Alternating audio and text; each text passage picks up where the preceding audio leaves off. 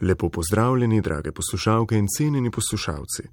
Danes smo v naš studio povabili gospoda dr. Matjaža Celarca, je asistent pri katedri za svetopismo in judovstvo na Teološki fakulteti Univerze v Ljubljani. Trenutno deluje kot študijski prefekt v bogoslovnem semenišču.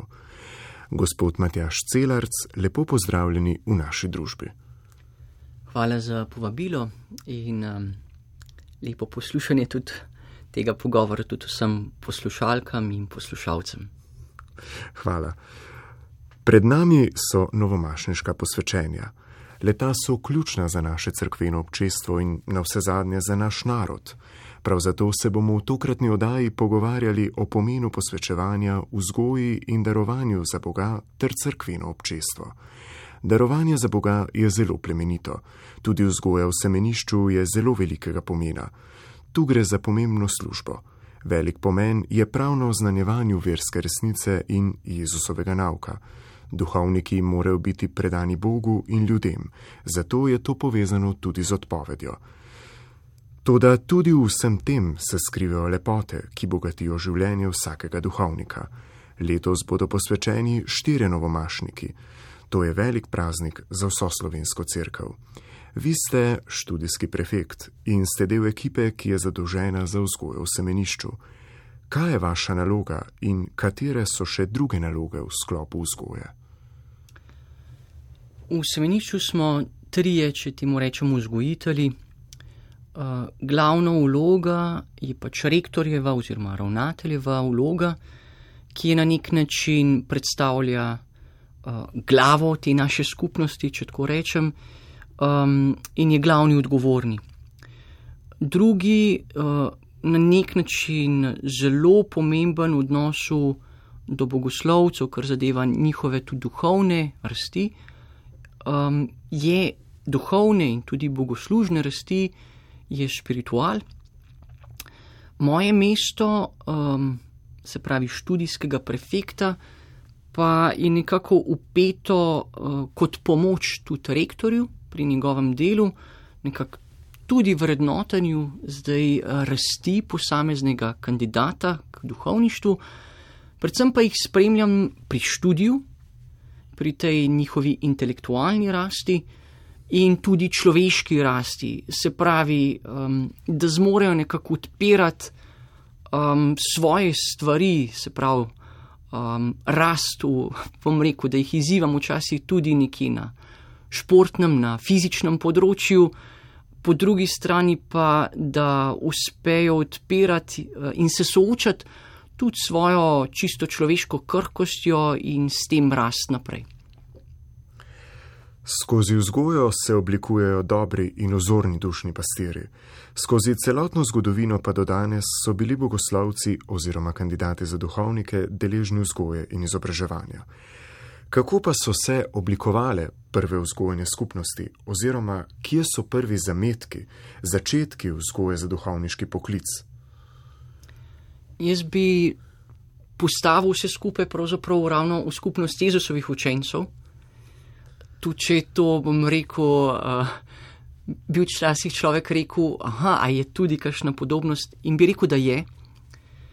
Um, Jezusovi učenci so bili nekako izuzeti nekoliko iz običajnega življenja, ker so potovali z Jezusom, spremljali njegovo življenje in on jih je izzival v drugačnem pogledu, v drugačni rasti. Um, kar nekaj takih primerov je, ko to začutimo, zasledimo. En od teh likov, kjer um, smemo rasti, je ravno uh, apostol Peter ki je zelo odločen, ribič, um, imel je pravzaprav že eno družinsko podjetje za sabo, tudi poročen uh, in ima svojo predstavo o tem, kako naj bi stvari izgledale, in tudi spove pravzaprav vero v Jezusa, ti si Kristus, se pravi, uh, ti si božji maziljenec, ti si nekdo, ki naj bi vodil ljudstvo. In Jezus ga tu um, na dveh mestih popravi. Prvič ravno um, sledeč te Petrovi izjavi, češ, da bo sin človekov moral trpeti. In k temu dodaja pravzaprav tudi za vse učence, da sin človeku prihaja zato ne, da bi mu stregli, ampak da bi on stregel. Se pravi, da je njihovo, njihovo poslanstvo ne v tem, da bodo vodili kot svetni vladari z oblastjo, močjo uh, zase, temveč da bodo služili za druge. In končno Petru potem tudi pri zadnji večerji reče: Peter, ko se boš ti spreobrnil, tudi potem, ko me boš izdal, potrdi svoje brate v veri, torej v tej novi dimenziji služenja. To bi rekel, da je pravzaprav prvi tak moment, kjer začutimo, kaj pravzaprav pomeni vzgoja duhovnikov, vzgoja Jezusovih učencev, vzgoja tistih, ki naj bi služili skupnosti Jezusovih učencev. Torej, kakor ste rekli, vse se je začelo od smrti Jezusa Kristusa in tako so se oblikovale prav po Jezusovem izročilu. Vse se je začelo z dvanajstimi apostoli, ki jih je Jezus na nek način izbral in postavil za glasnike miru ter evangelija. Kako pa so se kasneje tokom zgodovine razvijali duhovniški poklici po njegovi smrti in po smrti teh postavljenih apostolov? Kako so k temu pripomogli in kako so se duhovniške službe tudi oblikovale? Mogoče bi izpostavil samo nekaj drobcev. Um, že v svetem pismu, tako v apostolskih delih, kot tako v tako imenovanih pastoralnih pismih, zaslutimo, da so se skupnosti na nek način že izoblikovale, strafici, se pravi, da, da so bile določene službe, vloge. Zaslišimo imena kot starešin, nadzornikov, to, kar bi danes mogoče poimenovali škofje. Uh, imenovani so tudi, da, starešine kot prezbiteri, to, kar danes nekako povezujemo tudi z duhovniki. In vendar, um, ko beremo apostolska dela in slišimo vsa ta imena, tudi kako apostol Pavel, ko postavlja svoje skupnosti, zapušča tem skupnostim določene odgovorne može, nadzornike, starešine, uh, se zavemo tega, da to um, pravzaprav je nekaj, kar so ljudje, ki znotraj skupnosti imajo določene renome, da so odgovorni, da zmorejo skrbeti že za svoje družine, če tako rečem, in da bodo na tej podlagi zmogli skrbeti tudi za rasti lokalne skupnosti, če tako rečem. Se pravi, v tej apostolski dobi se počasi raste tudi, bom rekel, ta nomenklatura od škofov, eh, prezbitorjev, duhovnikov in ne na zadnje duh, uh, diakonov. Se pravi, treh stopenj, ki naj bi služile skupnosti. In vse te, eh, bom rekel, vse te službe so v prvem obdobju izhajale ali pa resnično rasle iz, na podlagi te renomeja, eh, bom rekel, teh ljudi znotraj skupnosti, da so jih enostavno prepoznali, izbrali. Eh, tako recimo v pismu Timoteju Pavel pravi, da nekdo hrepeni po škofovstvu, to je nekaj dobrega, ne? ampak kljub vsemu more živeti po določenem načinu življenja. Tekom stoletij pa se seveda te stvari morajo na nek način bolje definirati. Um, tu lahko omenim mogoče tretjo, četrto stoletje, ko, ko skupnost, bom rekel, na eni strani preizkušena, po drugi strani začne zelo rast. In, in je videno, da je treba postaviti te službe, ki, ki smo jih omenjali, se pravi škofovstvo, mašništvo oziroma duhovništvo in ne na zadnje tudi diakonsko službo. In tu se skupnost obrača po nomenklaturi, če se tako izrazim, ravno po starozaveznem vzorcu um, te, te iste, teh istih stopenj. In vendar še v tem obdobju, um, tako kot te stvari nekako rastejo in so definirane um, po vzorcu, kot rečeno, svetega pisma, nekje pa tudi morda po eni bolj svetni, svetnem vzorcu, kako naj bi stvari funkcionirale, um, pravzaprav naredim en preskok naprej. Um, v tem obdobju res nimamo um, še kakšne strukture, vzgoje, pač pa, um, bom rekel, v 16. stoletju uh, šele s tridentinskim koncilom pridemo uh, s pričo tudi negativnih, kako ne rečem, posledic, da ni bila postavljena ena struktura, da se je nekdo, ki je postal duhovnik, vzgajal ob nekomu in tako, in da je bila ta vzgoja, bom rekel, nepoglobljena, um, se je porodila ta nujnost, da se osnujejo, bom rekel, semenišča. Um, da, da se bi tem kandidatom v duhovništvu, za duhovništvo, ponudilo primerno vzgojo. Bom rekel, da izobrazbo tudi na teološki ravni, na bogoslužni ravni, da bi zmogli pač voditi skupnosti. In bom rekel, danes, ko gledamo, kje stojimo, smo še vedno, uh, kako ne rečem, dediči te tradicije. Bom rekel, uh, tudi semeniški model uh, še vedno izhaja iz tega, kar, kar je prinesel neki tridentinski koncil. Tudi če danes lahko rečemo, da se marsikje začenjajo stvari postavljati drugače, oziroma se iščejo uh, tudi um, načini vzgoje, ki bi bili še bolj povezani z vsakdanjim življenjem. Začetki vzgojnih semenišč so bili zagotovo zelo, zelo zahtevni in na vse zadnje, da so se institucije sploh oblikovale, ki jim danes pravimo bogoslovje oziroma semenišče. V njem, kakor ste omenili, se kandidati vzgajajo za ta poklic. Kako pa se pripravljajo za tole življenjsko odločitev, da bodo sledili Gospodu, kateri so temeljni poudarki pri vzgoji, katere stvari so najbolj izpostavljene, da jih v času vzgoje pridobijo. Jaz bi morda začel samo s to nitjo najprej, ko govorimo o, o duhovništvu. Se mi zdi, da je potrebno povdariti, da gre za enovito, celostno, in vseživljenjsko formacijo, oblikovanje, ki ima za cilj pravzaprav za kandidate za duhovništvo, pa tudi za duhovnike same, to, da bi bili kolikor se le da podobni Jezusu, da bi živeli iz njegove ljubezni, iz pastoralne ljubezni v odnosu do ljudi.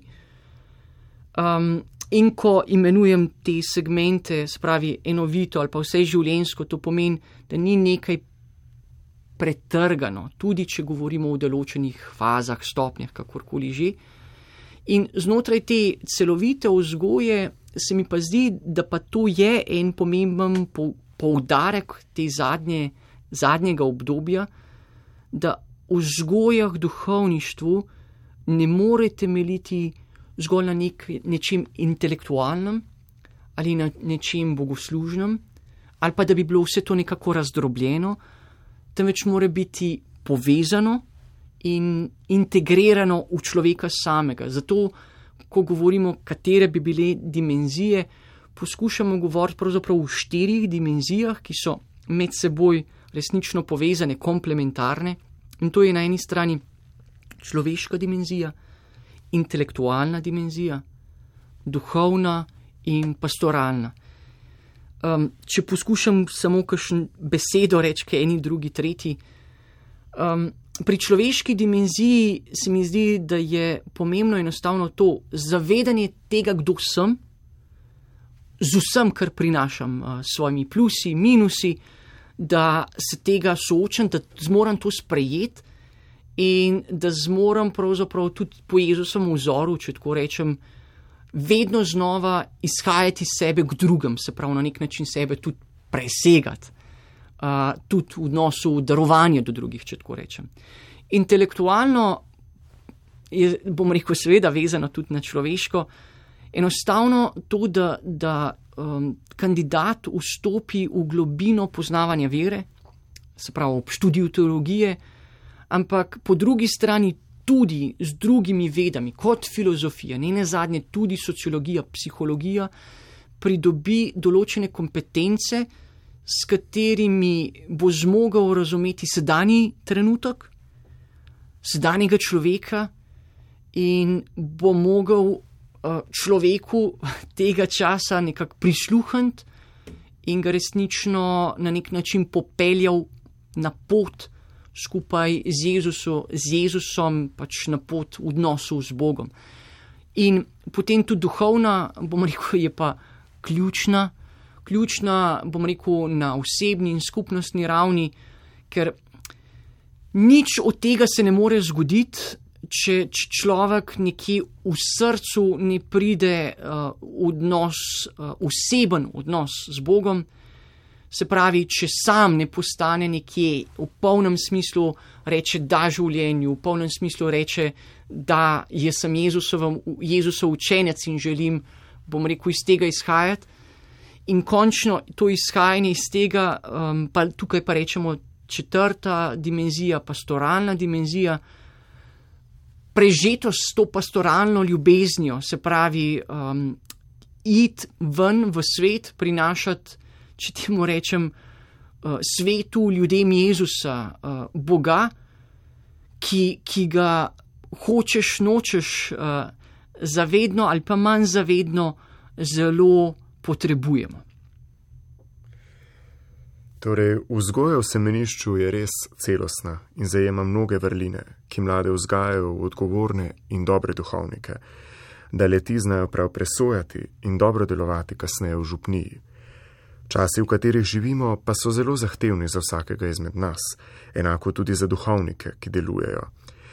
Bog pred njih vsak dan polaga nove izzive, ki jim preprosto morajo biti kos tako vernikom, skupnosti, župljanom, hkrati nudijo moralno in duhovno podporo. Kakšni pa so izzivi, ki nas obdajo v današnjem času, kako leti vplivajo na vzgojo in na vse zadnje na delovanje duhovnikov? Zdi se mi, da smo nekje na prelomnih časih, zdaj bom rekel, vedno so tudi prelomni časi. Um, sedajni trenutek pa vidim kot en velik izziv, um, ravno v tem, ko, ko iščemo načine, kako naj bi vero predajali naprej in kako bi se za vero odločali. Um, s tem hočem izpostaviti pravzaprav um, dvojen upad.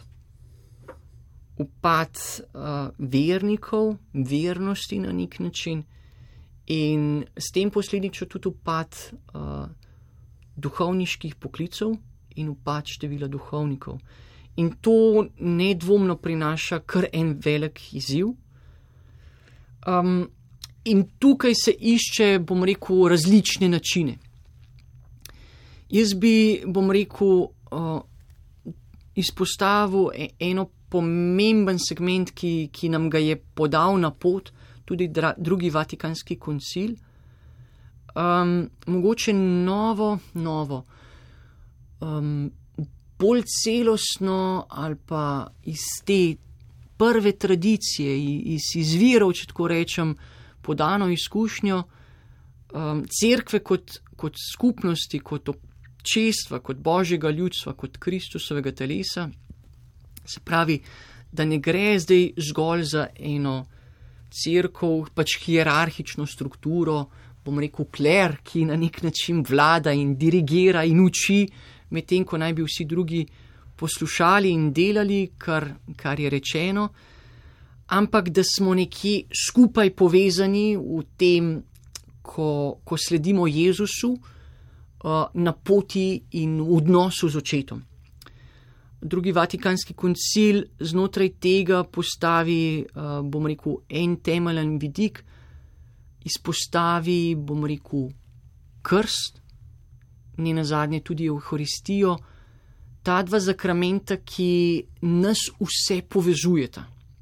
Sprav v tem dostojanstvu, da smo vsi v Kristusu deležni tudi njegove trojne službe, kralja, duhovnika in preroka, in če se usredotočim na usrednjo, na, na duhovništvo, se pravi, da smo vsi v Jezusu poklicani k temu, da bi imeli dostop in odnos z očetom, z Bogom. Um, in koncil nas pri tem spomni, da je tudi službeno duhovništvo tisti dar za celo skupnost, ki naj bi vsem pomagal ravno v tem odnosu uh, pač prihajati v ta odnos z očetom. To sem nekako uh, želel izpostaviti kot nekaj ključnega, kar nas tudi v sedanjem trenutku, ko tudi razmišljamo nekako o sinodalni poti, o skupnem poslušanju, kaj nam duh govori, uh, kako delati korake naprej. In znotraj tega se mi zdi, da je to nekaj, nekaj pomembnega, in vidim, mogoče zdaj pa prihajam na ta odgovor. No, um, izziv ali prehod iz, iz enega, um, kot nekateri imenujejo, korinskega modela delovanja tudi župnije, se pravi, da um, ima ena konkretna lokalna skupnost, župnija, se pravi, ki je bila neki krajevno zamejena, svojega župnika, da so lahko zelo direktni odnosi, um, s tem, da, da je bilo marsikaj, saj v preteklosti, bomo rekel, odvisno in zaviselo zgolj od župnika, češ kako bo on uh, izrazil postav in tako naprej. V en drug model, ki bi mu lahko rekli bolj paulinski, misionarski model, kjer um, bi lahko govorili, da pač morda župnik ne bo direkt v eni lokalni skupnosti, ampak da bo morda bo ena skupina duhovnikov lahko nekje sobivala um, in hodila od ene do druge skupine, um, lo, lokalne skupnosti. Nekaj takega pravzaprav doživljajo misijonske dežele že, že kar dosti časa. In se mi zdi, da to nedvomno za nas, ki smo navajeni prej omenjenega modela, zelo velik izziv. Ampak um, po drugi strani, ko pogledamo uh, delovanje misijonskih dežel, se mi zdi, da nam imajo kaj povedati, da nam imajo povedati predvsem to, da če želimo vero ohraniti in predati, potem se ne smemo in ne moremo bati, ker je na nek način na vsakemu izmed nas, da to lahko storimo, da um, živimo iz vere, za, za vero pričujemo, se pravi za tisto, kako nam rečem, za smisel življenja, za lepoto življenja, za lepoto tudi naših medsebojnih odnosov, ki so nekje izoblikovane um, in vodijo v odnos z Bogom, nedvomno. In da je potem, bom rekel, ko pa pride duhovnik, ko, ko imamo, bomo rekel, možnost ne le samo enega uh, besednega bogoslužja s podelitvijo obhajila, ampak ko imamo pa potem res sveto Euharistijo, da je to pa pravzaprav največji praznik. In to je izkušnja uh, misijonskih dežel, in se mi zdi, da ne govorim, da, da bomo šli v, v celem smislu, da bi morali iti tja, ampak iz tega se mi zdi, da se lahko nečesa naučimo, da nam daje to lahko en pogum in, in veselje naše vere in tega, da lahko uh, še vedno živimo to, kar prejemamo v veri. Gospod Celarc, hvala vam za vse te misli, ki ste jih strnili. Želim vam še naprej veliko lepih trenutkov pri vašem delu in ostanite še naprej tako optimistični in polni dobrih želja. Vam pa cenjeni poslušalci in poslušalke, hvala, da ste bili danes z nami. Vam pa želimo še naprej lepo in mirno nedeljo.